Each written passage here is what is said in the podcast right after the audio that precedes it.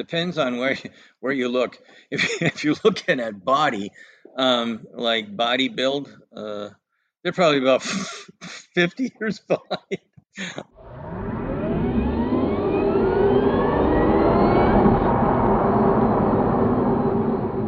Velkommen til Elbil teknisk sett, Teknisk Ukeblads elbilpodkast. Jeg heter Mathias Klingenberg, og med meg fra Bergen har jeg min kollega Marius Valle. Hei, Marius. Hallo, Mathias. Hei. I dag er jeg oppglødd, glad og entusiastisk, og det som verre er, for vi har snakket med selveste Sandy Munro. Det har vi. Eh, han du skal få høre i denne ukens podkast. Og hvem er denne karen, og hva er det vi har snakket med han om, Marius? Sandy Munro han er en uh, vaskeekte ekspert, kan vi vel si, i, innen bilindustri, uh, bilbygging. Uh, han har jobba mange år i Ford, og etter karrieren i Ford så starta han sitt eget konsulentselskap i 1988, som har blant mye annet eh, jobbet med å skru fra hverandre biler. Og lage rapporter på hvordan de er bygd opp. Og så er disse rapportene da solgt til kunder som er typisk andre bilprodusenter når det er snakk om biler. Hm. Nettopp. Og jeg ble jo kjent med han da han Eller kjent og kjent, jeg ble kjent med hans arbeid da han skrudde fra hverandre Teslaer og kritiserte dem, og for så vidt hylla dem. Han har jo sterke meninger, og det får vi høre bl.a. i denne ukens podkast. Det gjør vi. Vi um, har jo eh, snakka over en time med Sandy, um, og det vi har gjort, er å snakke om Tesla, og vi har snakka om elektrifisering i bilindustrien. Og så har vi delt denne samtalen opp i to episoder. Den første du skal få høre nå, handler om Tesla. Thank you so much for taking the time to meet us. It's an honor. Oh, no problem. it's an honor. I'm happy to be here. It's an honor for me. Thank you. Uh, uh, of course, we have been uh, really following your teardowns of uh, Model 3 and Model Y, for example. And yeah. Uh, to start uh, there, how uh, how did you come up with uh, starting to tear down uh, cars? Starting to tear down cars? Um, I did it when uh, I started doing that when I was at Ford Motor Company, and I started with engines. I used to work for engine division at uh, at Ford, and we didn't really get good information from the um, in-house people. So I was a manufacturing engineer at the time, and I had a small budget and I used that budget basically to buy engines that I thought had uh, potential. And when I started tearing them apart, I started finding new things that we could do. And one thing led to another, and it kind of combined nicely with. Um, I used to have a system called Straight Gut, which um, turned into like the Toyota production. It is the Toyota production system, but I just didn't know about Toyota until I went to Japan a long time in the 80s, uh, and then we changed the name. But in essence, it was to try and get rid of stock in house, so um, and and make the machines work easier. So I had that, and I had this other thing called designing for automation. So I came from the automation world. I had a lot of tricks, and I knew a lot of things, and so I added that. And by combining um, the teardowns um, like in-house teardowns and lean manufacturing, with what we call it now, and um, and and whatnot. By by making all these things come together, uh, we found out we could make better engines, and um, and that's that's kind of like what uh, what wound up happening with um, with starting. Um, when I started my own company, the very first job I had was actually from Ford and it was another reverse engineer of an engine that was uh, old, really old. It was designed in the originally designed in the 50s, hmm. and um, it just had a lot of kludges and stuff like that. So tearing it down and then identifying the good and the bad and the ugly uh, turned out to be very profitable for Ford and on and on. So but we've been tearing cars to pieces probably for 33 years now, and um, uh, you know we're not we don't do every vehicle. We only do the ones just like at Ford when I was started out. I only I only want to look at the things that are going to give me value. Not interested in quantity. I, I want the ones that are going to give me good value. Um, and my customers appreciate that. They don't need to buy everything. They only buy the things that are pertinent and um, and interesting. And by the way, we don't just uh, tear parts tear cars apart for um, uh, for these reports. We do a lot of work with other companies, other OEMs. That's secret. So there are a couple of um, like if you ask questions about certain companies, if I have an NDA with them and they're kind of fussy on not letting anybody know, then I'll I'll let you know, and we just kind of have to move on then. So, um, would it be fair to say that uh, uh, outside Tesla, you're one of the guys that has uh, best insight to their engineering work? We have um, very detailed reports that we sell to people, and um, and those detailed reports also include the finances. So we talk about. So some companies are interested in um, in uh, how much does each one of these different things cost. And our costing system is very accurate.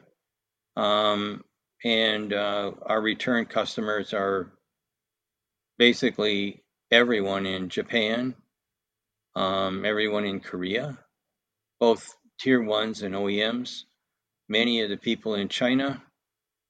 Um, we have a small market in um, in Europe, and we have a um, not even smaller market in the United States. For some reason or other, Ford and General Motors don't buy anything we do. Uh, Chrysler, on the other hand, buys everything we do. So, do you think that Ford and uh, GM is tearing down these cars themselves? Oh, everybody does it. Yes, yes. Hmm. yeah, everyone does their own. But um, um, the reason that the Japanese all buy they all tear their cars down too, but um, they buy our reports basically to uh, compare. What did we say? What did we say internally? And they, I've heard, I, I, we got lots of, um, we, we get lots of um, high praise, and and they always buy everything we crank out. Um, they purchase, so it's a, I don't know. It's a it's a good revenue stream. It's not you know it's not going to make the company, but it uh, but it it definitely uh, lets us know what customers want and need. The uh, for instance, uh, some of the Japanese customers we have have made suggestions on how they'd like to see us uh, present the reported data, and um, that data then. And, and actually, they ask us to expand our stuff. So like right now, um, I'm looking at um, at um, a report that we're going to generate that actually will um, will identify the supply chain level, the uh, the vehicle cost per area or component, um, their labor costs. They want more uh, information on labor. Um, how much is domestic? How much is offshore? who who are the suppliers and on and on. So there, these kinds of reports are different than the, the general one we sell, um, uh, and those we make we make way more money on that than we do on the. Uh, uh, I don't remember how much it costs. I think it's like it's around a hundred thousand dollars for the report, but to do it in house costs about 1.2 million. There, the, an OEM will, will spend 1.2 million to tear the car down if they want it at the same level that we're selling these other reports. So it's a big saving for them then. It could be, um, but like I say, some people um, hmm, they don't want to change, or they a million dollars that's a lot. They or a hundred thousand dollars. They think that's a lot, and but they don't know what their internal numbers are. And I knew that when I was at Ford. When I was at Ford, we most of the people that uh, that were making decisions had no clue what the internal costs were. And uh, that's one of the problems um, in a big company because all those numbers are held as secret and it turns out to a problem. Okay, so let's uh, talk about your insight um, uh, with Tesla. Tesla is, uh, yeah, Tesla's Tesla's uh, not so good at building a car. Um, although I did see some vehicles that were spectacular. I put them up against Mercedes or BMW easily. Um, and but they're but they don't do it every time. They're like a random number generator. Sometimes the gaps are bad, sometimes they're good. They they they don't have what I would classify the normal technologies, the ones that everybody normally has. They don't they don't have those under control. But when it comes to electric motors and it comes to battery packs and it comes to the electronics and the the ideas that they have for ADAS and all the other, that's where they exceed. Uh, they, they, they just beat everybody. Hmm. Um, they just, I mean, for instance, I was just looking at a at a, a vehicle for um, an investor, and uh, the um, the battery pack is um, is got 100 110 kilowatt hours in it, but it only goes 210 miles. W- what's with that? Huh. Tesla has 70, 74, 75 uh, kilowatt hour battery, and you go 350 miles. Okay, so you know what causes that, right? That cause the, the reason that that happens is because they're efficiently using the electricity that they have inside that 75 kilowatt uh, uh, uh, battery pack, and and the other guys don't. Hmm. They don't have the they don't have the software to optimize. They don't. Have, they have way too many wires. I mean, I could not believe um, uh, we analyzed something for somebody else and we took apart a vehicle and we found that they had, um, I think it was 30, 36 kilometers of wire. What? Are you kidding me? 36 kilometers? I, and Tesla's got virtually none. I mean, in comparison, three, four kilometers, that's it. This kind of stuff, um, this kind of stuff is what eats everybody alive all those wires are going to pull some current, some almost nothing. Others, you know, they're, they're going to be pulling the heavy current.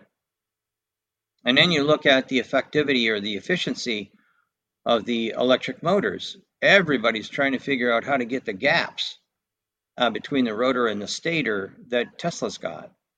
Everybody, nobody knows how to cool a battery pack properly, mm-hmm. um, except Tesla, the new the new one. The old one we criticized because of the the serpentine wrap. we didn't think that was a very good idea uh, because the heat's on the bottom of the battery, not not on the sides.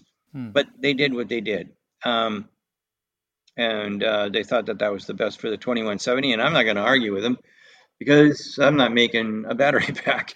but uh, but if it was up to me, I'd wick it out of the bottom, and that's what everybody seems to be doing now, and it's what Tesla is uh, is doing on their uh, 4680 battery packs. So, I mean, if they think they made a mistake, they correct it in a hurry, and that's where the other guys really lose. Tesla moves at the speed of thought, and uh, everybody else doesn't want to move at all. That's why they put change boards in place. And I just found out that in some companies, they have three levels of change boards.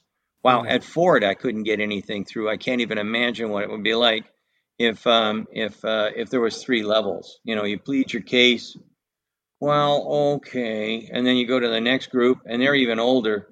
Well, okay, and the and the last group can't hear you, and they're probably dead sitting in those chairs. So, I mean, Tesla does not waste any time. The uh, the vehicle that we tore apart, for instance, on the um, on the uh, what do you call it? Um, uh, I'm having a day today. Let's see, what am I thinking? On the heating and cooling system, I'm drawing a giant blank. But anyway, um, on that heating and cooling system, they've had, um, we have an A. So this is version A. Mm-hmm. The one we just looked at is U. Really, for the Model yeah, Three, or and for the Model Three, and that that that many changes in such a short time, I, I I could. I don't know how they do it. I don't It know how they be do like three years or something. Three years to get to a U, you'd be looking at 10, 10 years Hmm. inside of a inside of a normal OEM, and and they did it in like so. Um, when was that thing? When did, we did that in uh, 20, 2020 when though what was it march 2020 in march we did it we started looking at that in march though that was an a and we got the uh, the second one or the new one and that uh, and that was in uh, november how do you do that how is that possible and they don't care about they make it so that it's reverse engineered so if something's wrong and it needs to be replaced okay the mounting holes are are the same everything else inside might be different so um, so that's that's kind of um, heat pump. That's the word. I'm, like I said, Ah. it's been a long morning already. I just just got here and I'm already fried. But anyway, yeah, the heat pump system is um, is excellent, and nobody else has got one. Everybody else has got it's got, got electric heaters. I, I don't, I, and that just sucks the uh, it just sucks the juice out. It's just when you look at a, a at a Tesla, it's very well engineered. You look at everybody else's, it's off the shelf, COTS. It's a COTS machine, commercial off the shelf. I bought this, I bought that, I bought this. If you're an engineer and all you do is buy shit, then guess what? You're not an engineer. You're a purchasing agent, a buyer, something like that, but you're not an engineer. Hmm. Tesla engineers, the other guys don't. Or they do, but not much. Not as much. How many years are Tesla ahead of competition? Depends on where where you look. If if you're looking at body, um, like body build, uh, they're probably about 50 years behind. I no, I don't want to say 50. I I uh, I would say they're they're probably about 10 years behind on body build. They just uh, it, it's painful sometimes to look at that stuff. But then when you look at everything else, I'd say from an ADAS standpoint, they're five to 10 years ahead of everybody else. Um, and I know, I just know what they're doing because we, we work on DoD projects as well. And everybody says, oh, you got to go to LIDAR. The military does not want LIDAR. You put LIDAR on anything and it shines like the sun. Actually, it, um do your audience, does your audience have a sense of humor? Uh, Yeah. we'll see. We'll see. Ah, okay. Well, the other term we use is um, it shines like a diamond in a goat's ass. So there you go.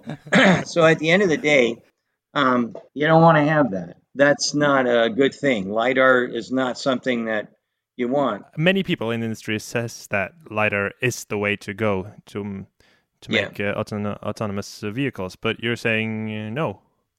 Yeah, you're right. Because uh, they know what they know. They know what their suppliers have told them, right? I said, remember, COTS engineers, commercial off the shelf. They know what they know, and I know what I know, and I know more than they know. And I can tell you that the next generation um, that Tesla puts in is probably going to be colorized FLIR, forward looking infrared. And the reason I'm saying that is because um, if I can colorize FLIR and I can give you uh, stereo vision, and I can do that, then all of a sudden, I don't care about fog or rain. I don't care if Mhm. there's lines on the road. I don't care about any of that stuff. I'm going to see everything. If it's warm and moving, I got it. Okay, that's what that's what night vision is. if it's um, if it's something that's a different color, and I can colorize FLIR, and that's what's happening right now, I'm done. I I can make I can make anything happen with that, and it doesn't have a signature. So governments are putting a lot of money into that kind of stuff. No government's putting no military government is putting any money into a lidar. Nobody. So that's it. But but anyway, then if we look at battery packs, I think that Tesla is at least five five or eight years ahead. Um, wiring, at least at least ten years ahead. Um, if we look at uh, software, minimum of ten years ahead. Their software is brilliant, and because it's so simple. And again, why is that? Uh, they do it on house. You can't beat um, vertical integration if you want to have um, if you want to have continuous um, design improvement. It's the best. There's a lot of people mm, in uh, financial schools that'll tell you we could buy it cheaper. Yeah, no, you won't. In fact, uh, this is an Apple computer, right? Remember, people forget, but remember this. Harvard guys took over Apple and booted out Steve Jobs. And what happened? It went to hell in a handbasket. Why? Because they did nothing internally, nothing. Steve Jobs gets asked to come back. He does a bunch of things and ends up with this. Who was the big guys? Who are the big players when this thing came out and was brand spanking new and had nobody buying it? Hmm. BlackBerry and Nokia. Hmm. And who's the big dog now? Why does that happen over and over and over again? Did you hear about the McKinsey thing? Oh boy. Uh, I don't know if you've heard, but McKinsey got sued for a half a billion dollars plus, and there's more people climbing on board. Why? Because they made some recommendations that really um, screwed things up from an opioid standpoint. I, oh, I yeah. personally think that I'm sure that McKinsey does a great job and in lots of things, but if you don't take um take on your own problems inside your own company with your own people and go vertical in the things that count, especially in a new age like this, you're an idiot. So, um, and and quite frankly, we are helping people uh, develop their own vertical integration. We hang around for a little while, show them what we need to show them, train them on how they need to do it, and then and then move off. They it, you don't uh, you don't carry your kid until he's 18 it just doesn't work that way. So. Talking about uh, vertical integration and uh, off the shelf stuff uh, can you tell us a little bit about um, um, tesla suppliers? Uh, like are they using um, they don't use very many suppliers. like ECUs from from other other guys or? No they don't even use boards from other guys. In fact, they're getting to the point where they don't even use the chips from other guys. Mm. They have their own Teslas. They got rid of the um, NVIDIA chips and uh, put in, so they got rid of three NVIDIA chips and then they got it down to two mm. uh, Tesla chips. And when we decapped them, I took one look. I said, this will cost us a fortune. Uh, no one will pay us enough. Forget it. We're not going to look at it. But the um, the density is like nothing I've ever seen before. I don't even know who they got to build it. Um, they designed it themselves, but um, I'm not sure whether they built that chip on their own. I think they were going to try and send it to Texas Instrument, and Texas Instrument said uh, we can't do it and uh, walked away. So it's probably made, probably made in um, maybe Taiwan or who knows, maybe China. I'm not sure. We didn't check it out. Yeah. Hmm. Hmm but they um, they they don't they don't buy many things. The raw materials, yes, but not much. So they have full control. So their software yeah. controls yeah. every aspect of the of the vehicle, right? And if you you're uh, like Volkswagen or GM, there's a lot of um, little devices in your cars that has uh, software written by a supplier or something, right? Black boxes, yeah. Yeah. So that makes it uh, more dif- more difficult to uh, write effective software in a way. Um, what you usually wind up with is too many parts. So this guy made one electronics box. This guy made another electronics box. This guy makes your motor. That guy makes your battery. All these things have to be connected together. And with Tesla, they a lot of the electronics boxes are in the same box or don't have a box. They're all inside the electronics bay. There's nobody got an no one has an electronics bay except them. Um, when you when you look at the um, when you look at a Tesla, like I said, it's very well engineered. Once you get past the body, it's well. And by the way, they make their own seats. And I just spent 8,000 miles Yeah. in one of their seats.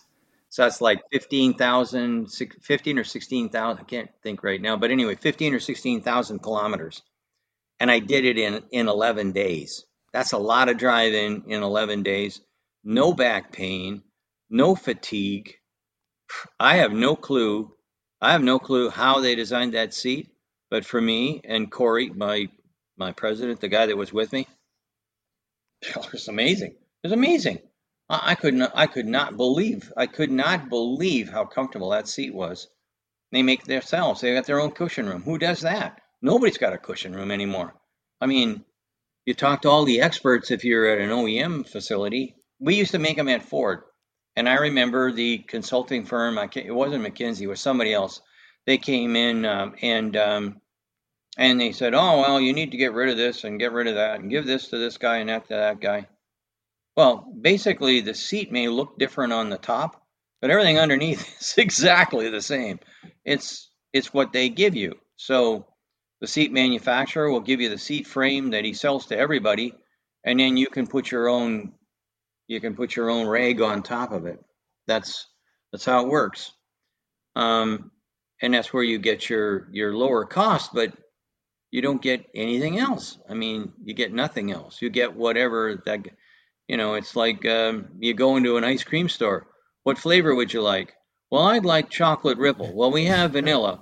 There, that's yours. Go, get out. It's Yeah. it's uh, interesting that you uh, like the seat so much because one of the criticisms I've heard is that um, uh, the seats are not as good as in the German cars. Or is that like uh, um, it doesn't look as premium? It doesn't have real leather. Uh, Yeah, I'm talking about comfort. I'm I'm not talking about looks. From a look standpoint, yeah, they're pretty plain. But from a comfort standpoint, okay, um, I've driven in lots of luxury cars. Bentley is one of my customers. We worked on their seats, and um, they're pretty damn comfortable, cushy, and more like you fall asleep in them, right? It's like sitting in front of a TV with a um, um, in in a in a La-Z-Boy chair, right? Really comfortable. Um, but um, if you're trying to get from point A to point B in a hurry, and I was sitting in one of those chairs, one of those seats, I think I'd I don't think it would work for me. I, I don't want to fall asleep while I'm at the wheel. But uh, but but that seat um, was comfortable. It um, it may not have been the fanciest, and I believe that that's made out of that same vegan leather. I don't know what it is, but I don't care about that. I only know that it supported my back, and and when I got done after 11 days on the road and 15,000 kilometers, I got up, stood up straight. Um, I wasn't bent like some kind of ancient man. I was pretty happy. So, um, um, from a look standpoint, so what? I mean, it's like plain, but from a comfort standpoint, uh, we're totally blown away. Yeah. 15,000 kilometers, that's like uh, the, the the average yearly uh, driving uh, Yeah. distance. So that's uh, one uh, one hell of a road trip. Well, it's twice across, twice across the United States. That's what it basically boils down to. yeah. So it was, um, yeah, it was a, and it didn't go the way we thought. We were pretty sure that uh, that when we got to the uh, prairies, like the the Great Plains, whatever, it's a huge stretch of land, and there's nobody lives there. It's all farms, and um, and uh, it's like the steppes, and and I could I could not bel I couldn't believe it. We first off we found that there was no problem with um, there was no problem with uh, supercharging stations, and um, and even though it was really cold and windy, and you know you're going uphill basically, you're heading toward the Rocky Mountains. We got we got better range than we anticipated, way better, and we anticipated that at least we get stuck once or twice. Well, we didn't. We we didn't. It just the the closest we came was 12 miles. So, um, but it, was, and then we we outran a, a blizzard the worst blizzard they've had in uh, Northern California and through the Rockies ever. Um, um, like 110 inches of snow. In the past, that that we we got out of there, and an hour and a half later, or two hours later, I should say, uh, they had uh, they had 110 inches of snow. I mean, that's ridiculous. You you can't believe. Uh, I I couldn't believe it when they told. I mean, that's like uh, what three meters? That's a lot of snow. Anyway, um, uh, and it chased us all the way through, and and it was right behind us, and and it was uh, everywhere we heard in back of us, like about an hour or two behind us, they, they got a meter of snow. Holy moly! Step on it. Let's get the hell out of here. I don't want to. I uh, it's got four wheel drive, but I didn't want to test it. Not with those tires, anyway. You said that uh, Tesla is like ten years behind on the on the body uh, quality. Um, are they catching up to the competition? For oh, example, yeah. with the construction of the factory and uh, in Germany. The German factory, I'm sure, will be up to German standards. Um, you know, uh, they didn't just arbitrarily pick where they wanted to drop these cars. It wasn't like they took a dartboard and um, it wasn't like that at all. They strategically did what they did. Shanghai, they make nice cars in Shanghai. A lot of German cars, a lot of uh, luxury American and British cars. Uh, they make a lot of really cool cars in, in Shanghai. And uh, dropping it into Berlin, I mean, you okay? It's a little bit far, far away from maybe Munich or Stuttgart or something like that. But you know what?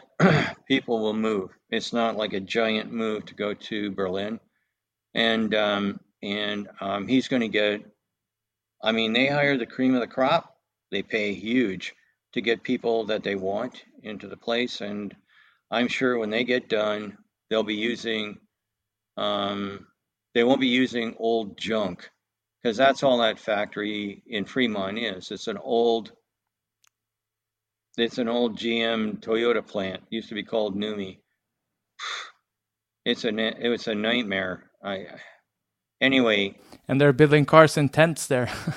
yeah, yeah. Well, the tents, the everything about the place to me sucks. He gets sucked in. I I um, I heard through the grapevine uh, from guys that uh, were at Tesla made a gazillion dollars in the stock and then uh, and now, now living on some their own private island or something. But uh, I heard from these guys that they brought in some guy that had basically told them, you know, he could make everything robotized. He must have been from General Motors. Anyway, it was a it was a nightmare job. Everything failed because robots. You have to design for robots. You can't you can't just here's the part get that robot to do the job. Doesn't work that way. You have to design for robotics. In fact, that's we have a customer called uh, in um, in China. They make almost um, all the. Um, they're the biggest manufacturer of white goods, like appliances, anywhere. And um, when we worked with them, they started to notice that they couldn't keep people. They keep the people keep leaving and stuff like that. And so they wanted to get into robotics. Oh, and they the, the rates of pay were going up as well. So they wanted to get into robotics and they tried it on their own and it was a giant flop. And the reason for that was because they didn't really understand end effectors and they didn't understand the, the matrix system that you have to put in place to get the part in the right location so the robot can do whatever it's going to do. It's not like a human. They don't have, they're blind, one armed idiots. That's what a robot is. Okay. So so we went in there and we we changed things around a little bit and we did a couple of small projects. They worked out brilliantly well. What did what did what did Midea do? They went out and bought KUKA robot. I mean, holy mackerel. That's a that's kind of like going from zero to a hundred miles an hour in one blink. Hmm. It was just amazing how they how they did what they did, and that's that's kind of like uh, where they are now. So we're still training um, uh, people on uh, how to design for robotics at Midea.